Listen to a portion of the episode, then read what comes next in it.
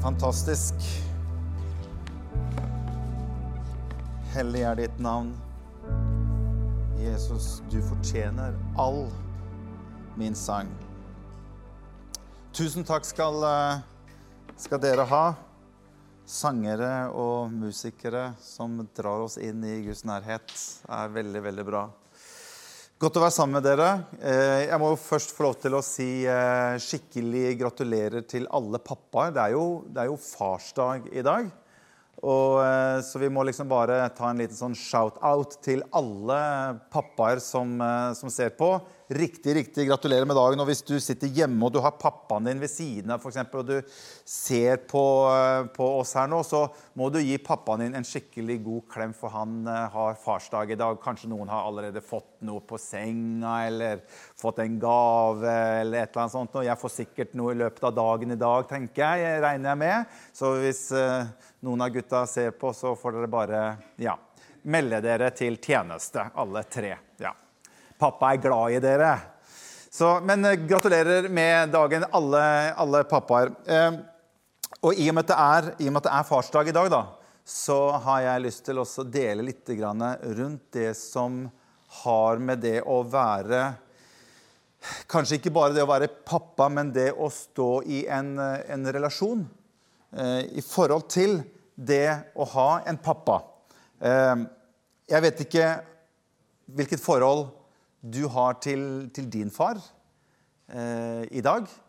Jeg vet ikke hvordan forhold du har hatt til din far opp gjennom årene. Jeg vet ikke hvilken bakgrunn du har med din far, hva du har opplevd i din, din oppvekst. Jeg vet ikke om pappaen din lever i dag eller ikke. Eller kanskje eh, du har opplevd at eh, pappa var noe som si, forsvant litt ut av livet ditt når du, var, eh, når du var ganske ung. Jeg vet ikke hvilket forhold du har til din pappa, men én ting vet jeg, det er at alle vi som er her, har en pappa. Det, I en eller annen form så har alle mennesker en pappa. Nå er det ikke alle som har erfaring kanskje enda med å være en pappa, men alle som er her, har en pappa. Og jeg vet ikke Uansett hvor i dette spekteret her du befinner deg, med alle forskjellige typer erfaringer eller hva skal si, ting som har skjedd opp gjennom livet Jeg vet ikke hvor du befinner deg hen, men jeg tror uansett at for alle oss mennesker så er dette som har med relasjon til pappa, er egentlig noe som vi berøres veldig sterkt av på en eller annen måte.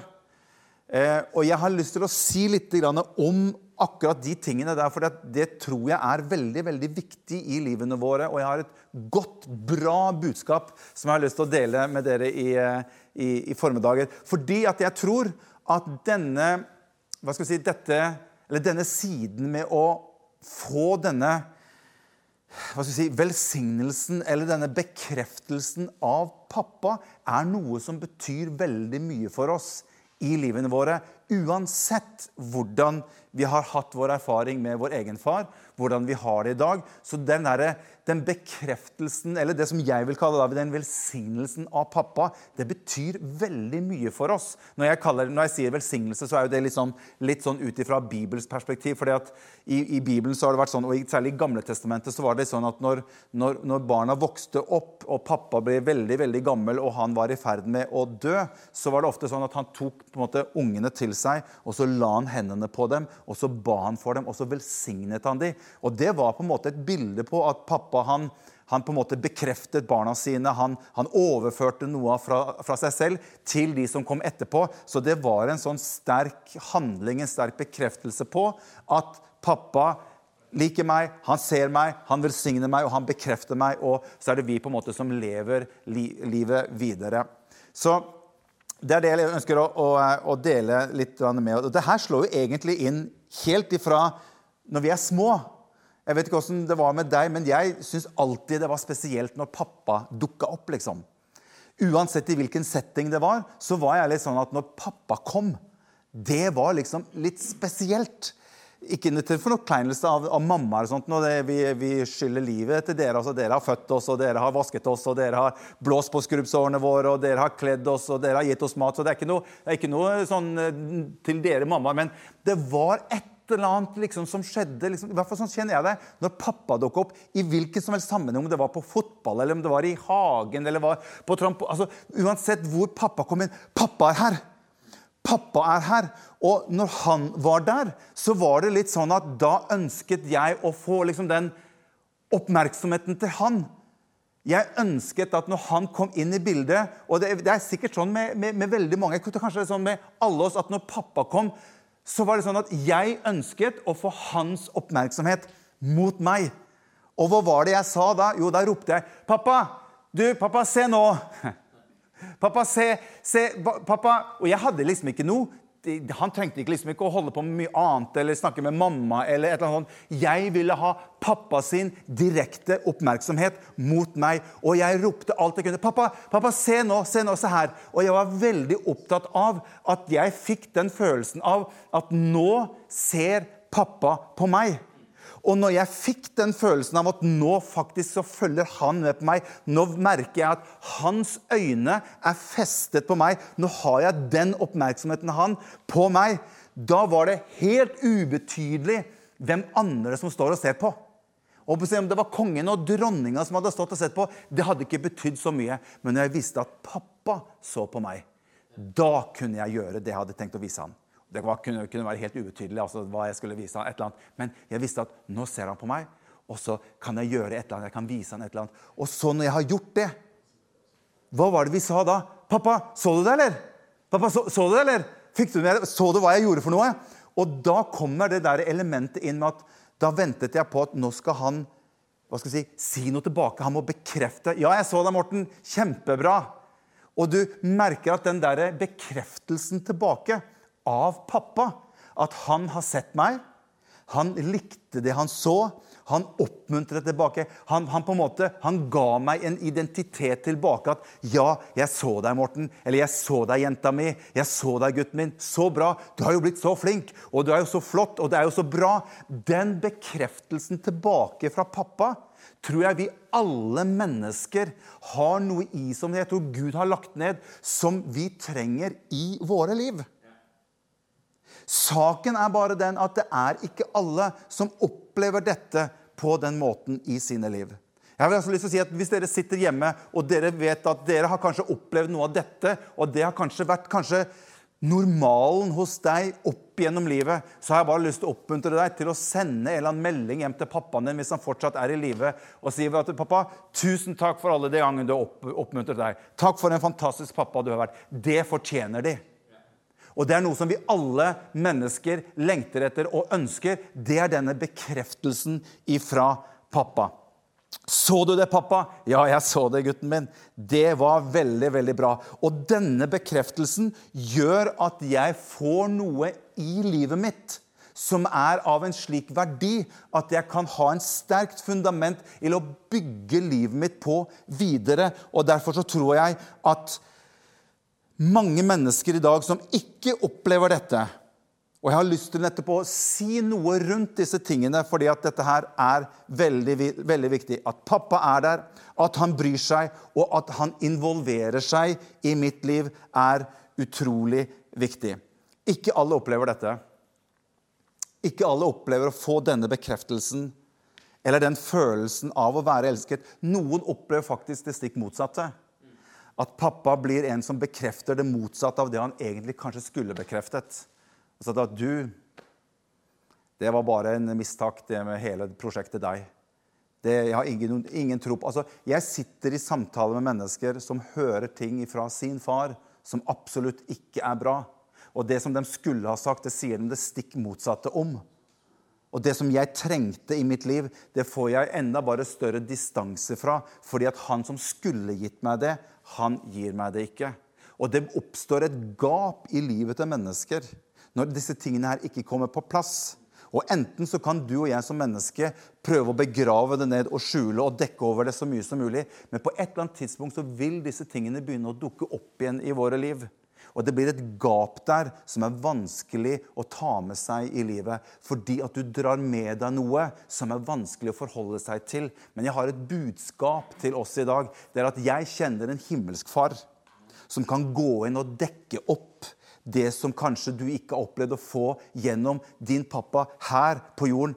Han er interessert i deg. Han har sine øyne festet på deg og meg. Og han har evne til å komme inn og kunne restaurere ting i livet og gi deg og meg det vi trenger i livet vårt, nettopp i forhold til det å ha en pappa i livet vårt. Og det synes Jeg jeg er bare så begeistra for det budskapet som vi har å forkynne om en himmelsk far som elsker deg og meg som sønner og som døtre som ser oss, som tenker på oss, og som ønsker å ha den relasjonen. Og han er flink å bekrefte hvis vi lar han komme inn i livet vårt. Men jeg har sagt det her, jeg er jo ikke noen psykolog. Og jeg trenger ikke å være psykolog heller for å se de ting som skjer i samfunnet rundt oss i dag. Og det er mange ting som skrives om i dag. Jeg var bare inne på forskning.no, og så, skri, så, leste jeg litt om dette med forholdet mellom barn og særlig pappaer, i og med at det liksom er farsdag i dag. Og dette her er jo bare vanlig forskning som sier her, Der leste jeg at om lag 40% av alle norske barn erfarer at foreldrene deres går fra hverandre før de har nådd slutten av tenårene. Og mange barn og ungdommer opplever at far etter skilsmisse eller samlivsbrudd forsvinner ut av livene deres, ofte mer eller mindre ufrivillig. Og så sto det at fortrolighet med både mor og far er viktig for barnet. Men vi finner først og fremst en sterk effekt av redusert fortrolighet med far. Det ser vi at kan gi barn både psykiske og fysiske helseplager, sier professor Eivind Mæland, som har ledet en stor studie på dette. Og Forskerne ser også at disse barna ofte får redusert selvtillit. Og så skriver de at barnets selvfølelse blir ofte svekket om barnets kontakt med far brytes. Og Han legger til også at en trygg selvfølelse med far eller en trygg selvfølelse er viktig i livet. Jeg er ikke noen psykolog. Vi er en 50 år gammel pastor som har levd en liten stund. Som kan lese litt, som kan observere litt, som sitter i samtaler og sitter i sjelesorg med mennesker. Og også med menn som sliter med noen av disse tingene her. Og jeg ser bare at vi drar med oss i samfunnet vårt en utfordring rundt disse tingene som har med ødelagte relasjoner mellom barn og særlig pappaer. Og pappa uteblir i menneskers liv. Ofte så merker jeg at foreldre som, som, kommer til meg og snakker om at ja, ikke, problemet var på en måte ikke barna. Problemet var jo det forholdet jeg var i. Og så forsvinner man ut ifra et forhold, og så er det ofte barna som lider av det. Og så, opp, og så, oppstår det ting hos barna som gjør at man får en slags form for en, en, en, Man synes litt man nesten, føler nesten skyldfølelse i forhold til at pappa har forsvunnet ut av livet sitt. Og så er det ufrivillighet. Og jeg, jeg kjenner såpass mange og jeg har snakket med såpass mange at jeg vet hvordan de, noen av disse tingene her fungerer. Men jeg har skrevet at uansett hvilken fortid du har, eller hvilken situasjon du står i i dag, så fins det mulighet for å få restaurert noe på innsiden i deg og meg som er viktig. Og Jeg sier ikke at alle forhold, alle relasjoner, kommer til å bli hva skal vi si, fiks ferdig og fikset i løpet av din og min livstid. Men det kan fikses noen ting på innsiden av deg og meg som gjør at jeg slipper å gå rundt og bære på ting som er vanskelig og vondt og sårt i livet mitt, som har et resultat av brutte relasjoner i livet mitt. Det kan Gud få lov til å komme inn og gjøre noe med i livene våre hvis vi lar Gud få lov til å komme inn. Derfor har jeg lyst til å gå til Matteus kapittel 16. Jeg har bare lyst til å vise dere noen ting om hvordan Jesus gjør dette her med Peter. I Matteus 16 så leser vi eh, en veldig kjent historie Eh, dette her er jo når, når Jesus kommer med disiplene sine til Cesarea Filippi, som var en romersk by. Eh, den Byen Cesarea Filippi var egentlig et veldig sånt sted hvor veldig mange mennesker flokket til. For der i Cesarea Filippi så hadde de faktisk en felles gud mellom grekerne og romerne. Og den guden den helt Pan, guden Pan. Og den guden Pan den hadde de et eget tempel for. Og guden Pan, det er derfor vi får panfløyte fra. og litt sånn forskjellig, så Jeg skal ikke komme inn på alt det, for da går tida. Men, men, i den byen så hadde de en stor grotte, som du kan også se i dag. Som det var en stor sånn, hva skal vi si, vannreservoar inni grotten. Og det de trodde på den tiden, det er at denne grotten var på en måte hovedinngangen til veldig mange guder på, en måte på, på nedsiden og under. Og den grotten eller det vannet var slik at hvis du kastet noe nedi der, så forsvant det på en måte bare det, det, det vannet bare slukte alt som ble tatt. Og det tok de som et bilde på at hvis du ofret noe og kastet det uti det vannet, så tok gudene til seg. Så hvis du vil ofre noe til noen forskjellige guder, så bare kastet du ting inni den vanngrotta. Og da tok det gudene det som en måte satt form for offer til seg selv. Og der ofret de jo masse ting som absolutt ikke er bra, i tro på at gudene ville bli blidgjort fordi at jeg kastet ting ned i den vagnrotten. I dette stedet her er det Jesus kommer med disiplene sine. Og Det er det vi kan lese om i Matteus kapittel 16. Og det er disse kjente når Jesus spør Peter. og Vi skal lese fra vers, eh, vers 13 i kapittel 16. Da Jesus kom til distriktet rundt Cesarea Filippi, så spør han disiplene sine, 'Hvem sier folk at menneskesønnen er?' De svarte, 'Noen sier døperen Johannes, andre Elia og andre igjen Jeremia eller en annen av profetene.' Og dere, spurte han, 'Hvem sier dere at jeg er?' Da svarte Simon Peter. Der, der står det med to navn. Simon Peter. Du er Messias, den levende Guds sønn. Og Jesus tok til orde og sa, Salig er du, Simon. Der ser du at der bare sier Jesus ett navn, sønn av Jonah. Så her sier Jesus ett navn, så trekker han inn faren til Peter, eller til Simon. For dette har ikke kjøtt og blod åpen for deg, åpenbart for deg, men min far i himmelen. Gud ønsker alltid å befeste din og min identitet fra innsiden og ut og ikke at ting skal befeste seg fra utsiden og inn. Det er bare sånn Gud opererer, det er bare sånn Gud virker. Han befester alltid sin identitet hos deg og meg fra innsiden og ut. Og det som jeg syns er litt spennende med den teksten her, det er at når, når Jesus spør disiplene sine, så spør Jesus hvem sier dere at jeg er? Og så svarer Peter disse her kjente ordene at 'du er Messias, den levende Guds sønn'. Og da svarer Jesus tilbake, som vi ser i taksten, og så sier han at Simon Da bruker Jesus Simon sitt menneskelige navn. Han bruker ikke ordet Peter. Han sier Simon, altså mennesket Simon. Dette her har ikke du funnet på av deg sjøl. Denne menneskelige delen av deg har aldri kunnet komme opp med dette. Dette er noe som min far har vist deg i ditt hjerte av hvem jeg er. Og så gjør Jesus noe som er utrolig bra. For hvis du går til neste vers For det er det som jeg syns er, er, så utrolig må, det, det, her må dere få med dere, for dette her er liksom selve kjernen av det som jeg ønsker å dele med dere. For Jesus sier i vers 18 så sier han, men det sier jeg deg, du er Peter. Da bruker han ikke ordet Simon lenger. Da bruker Jesus ordet Peter. Så sier han, du er Peter. På denne klippen vil jeg bygge min kirke, og dødsrikets porter skal ikke få makt over den. Hva er det Jesus prøver å vise Peter? Han sier at når jeg får lov til å kunne vise deg hvem jeg er, så skal jeg vise deg hvem du er. Så Jesus sier at det å bli kjent med Gud gjør at Gud igjen kan få lov til å identifisere hvem du er. Derfor så sier Jesus til Peter Først så sier han, 'Simon, menneske Peter, dette har ikke du funnet på deg sjøl, men Gud har vist deg det i ditt hjerte.' Derfor sier jeg deg til deg, Peter, at du skal få lov til å være med og bygge Guds rike sammen med meg. Så når jeg får et begrep om hvem Gud er, og hva han er, hvor god han er, hvor stor han er Når det blir synlig for meg i mitt hjerte, det er da Gud kan begynne å vise meg hvem jeg er. Og det er det som jeg syns er så utrolig sterkt med Gud. Det er at han kan identifisere meg på innsiden av meg selv, hvem jeg er, i min relasjon til han. Istedenfor at alle andre skal, si, identifisere meg på masse forskjellig med likes og hjerter, og du er rå og du er flott. og Vi, liksom, vi ber om alle mulige slags identifikasjoner, og at folk må identifisere meg. 'Å, du er helt rå!' Likes, likes, likes, likes. Så kan jeg vite at når jeg kommer fram for Gud og jeg får lov til å oppleve hvem han er, da begynner han å vise meg 'Morten, Du er den som jeg ønsker at du skal være. Og dette er din plass i mitt rike. Det er det Jesus gjør her. For Jesus begynte å kalle Simon for Peter. For hvis du går tilbake igjen til Johannes kapittel 1 Nå må vi bare forte oss litt her, for tida går veldig fort.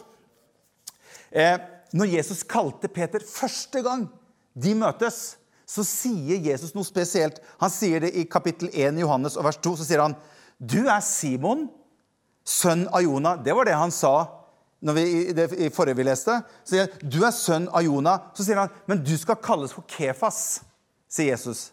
Som betyr Peter.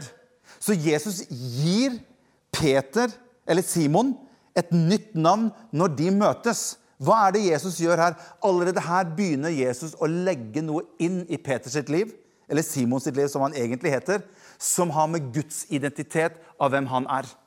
Så da begynner Jesus allerede der profetisk på en måte å legge inn i Simon hva det er Jesus har som tanke for å identifisere hvem han er. Og det følger han hele veien fram til her, hvor, Peter sier, Simon sier Du er jo Messias! Den levende Guds sønn. Nå, Peter, nå skal din egentlige identitet, som jeg ser i deg, nå kan det få lov til å begynne å bli virkelig. Da sier Jesus, Peter, på denne klippet skal jeg bygge min menighet. Ikke på Petrus, for det er bare en liten klippe. Men Jesus sier at Petros, du som er en liten klippe, skal få lov til å være med å bygge min kirke på meg som er den store klippen. Og du skal hete Peter, og det jeg har kalt deg til. Og jeg identifiserer. Jeg har tro på deg, Peter. Jeg støtter deg. Jeg er med deg. Jeg vet hva du kan få til med min Det er det som er identiteten din, Peter. Og det er det jeg syns er så fantastisk. Det er at uansett hvilket forhold du og jeg har hatt eller har, eller hvilken erfaring vi har hatt med våre, si, våre fedre opp igjennom, så fins det en annen far i himmelen som har mulighet til å komme inn i livet ditt og mitt og identifisere meg for hvem jeg er. Han ser meg, han vet om meg, han har tro på meg. Hvis jeg vil slippe han til i livet mitt, så kan hans identifisering av meg få lov til å komme. Jeg ser han, og han kan identifisere meg for hvem jeg er. Og noe av det som kanskje er mangelvare i mitt liv, som jeg ikke hørte min pappa si til meg, som jeg så gjerne skulle hørt, det kan jeg få lov til å oppleve at når jeg kommer fram for min himmelske far, så sier han, 'Jeg elsker deg, Morten. Jeg har tro på deg, Morten. Jeg har en plan for livet ditt. Jeg, er, jeg, jeg, jeg liker deg.' Du er flink, du er god, du kan få til, og jeg støtter deg, og jeg er med deg. Er det bra, eller? Dette er veldig, veldig Vi skal gå, vi skal gå, til, til, avslutning. Eh, fordi at veldig mange opplever dette med å føle at man har blitt forlatt av sin far. Man føler at pappa han forsvant ut av livet. Og Jeg har snakket med mennesker som opplever å ha store sår i sitt liv over at pappa var aldri der. Jeg hørte han aldri si noe til meg. Jeg har aldri hørt at pappa har sagt til meg at jeg er glad i deg. Jeg har aldri fått en bekreftelse fra pappa. Og han, han har bare vært helt fraværende i mitt liv. Og det er jo vondt. Det er sårende. Men jeg har bare lyst til å lese et vers. Vi skal ha to skriftsteder til slutt her. Men det står noe i Salme 27 og vers 10. Der står det faktisk at om min far og min mor forlater meg, så skal Herren ta seg av meg. Det er jo fantastisk. Selv, selv, om min mor og min far forlater meg, så skal Herren ta seg av meg. Og hør, Jesus også opplevde noe av dette her. For han sier, Det står faktisk det i Matteus kapittel 27 og vers 45.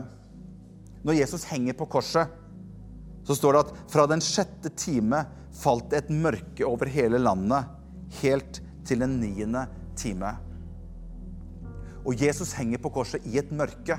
Og jeg tror mange mennesker kan oppleve å leve et liv i mørket.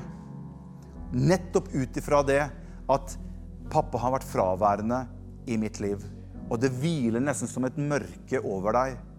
Men så står det fantastisk her, så står det Og ved den niende time ropte Jesus med høy røst, Eli, Eli, lama sabachthani som betyr 'Min Gud, min Gud, hvorfor har du forlatt meg?' Dette hadde Jesus aldri erfart før i livet sitt. Han hadde alltid vært close med sin far. Dette hadde Jesus aldri erfart, at han plutselig står i en situasjon hvor han opplever at det blir en atskillelse av med sin far. Og det går så sterkt inn på Jesus at han roper på korset, 'Min Gud, min Gud, hvorfor har du forlatt meg?' Og Det er nettopp i dette øyeblikket her at Jesus går inn i den plassen som du og jeg skulle hatt. Han ble forlatt av sin far, nettopp for at du og jeg skulle få lov til å få en relasjon tilbake med Gud. Det var hele frelsesplanen til Gud. Det var at Jesus måtte bli forlatt av Gud, slik at du og jeg kunne få lov til å knytte kontakt med Gud tilbake. Og Jesus var villig til å gå inn i dette. Og Derfor så sier han, 'Min Gud, min Gud, hvorfor har du forlatt meg?' Men så vet vi at rett etterpå så sier, så sier Jesus, 'Far' Det er litt merkelig. Han sier 'Gud' her. 'Min Gud, min Gud, hvorfor har du forlatt meg?' Og så sier han etterpå 'Far, i dine hender overgir jeg min ånd'. Du og jeg skal slippe å gå rundt og føle på at vi er forlatt i livet vårt. Uansett. For det står faktisk Hebreerne, og det er faktisk det siste verset, så skal vi synge litt. Hebreerne 13,5. Der står det 'Jeg svikter deg ikke' og jeg forlater deg ikke. Og Jesus sa at jeg skal være med dere alle dager inntil verdens ende. Jesus er ikke en som kommer og går. Han er en som aldri forlater oss og aldri svikter oss. Så hvis lovsangerne kan komme opp her, så skal vi gå inn og så skal vi synge litt til slutt. Gud kaller oss for sine sønner og sine døtre. Og jeg har bare lyst til å si til alle dere som, som, som, som sitter og ser på, at din historie er ennå ikke skrevet ferdig. Det spiller ingen rolle om hvordan din fortid ser ut, eller hvordan du opplever i livet ditt i dag i forhold til din relasjon, uansett hva den er for noe, mot din far. Gud har skrevet sin historie, og han har gjort det på en så fantastisk måte at han har en løsning og et tilbud for deg og meg. Det er at hvis du ønsker å ta imot Jesus i ditt liv, i ditt hjerte, og begynne å tilbringe tid sammen med han, så vil noe av det gapet som er inni ditt hjerte og inni ditt liv, det kan få lov til å begynne å fylles igjen av Guds kjærlighet til deg og meg. Så ikke tenk på det at kanskje du føler at du har mislykkes som far, eller du ikke har hatt det forhold til din far som du kanskje skulle hatt. Gud ønsker å gjenopprette alt dette i ditt og mitt liv. Hvis du ønsker at han skal gjøre det. Gud velsigne dere alle sammen. Vi synger litt sammen. Så skal jeg si noe til slutt her. Vær så god, Martin.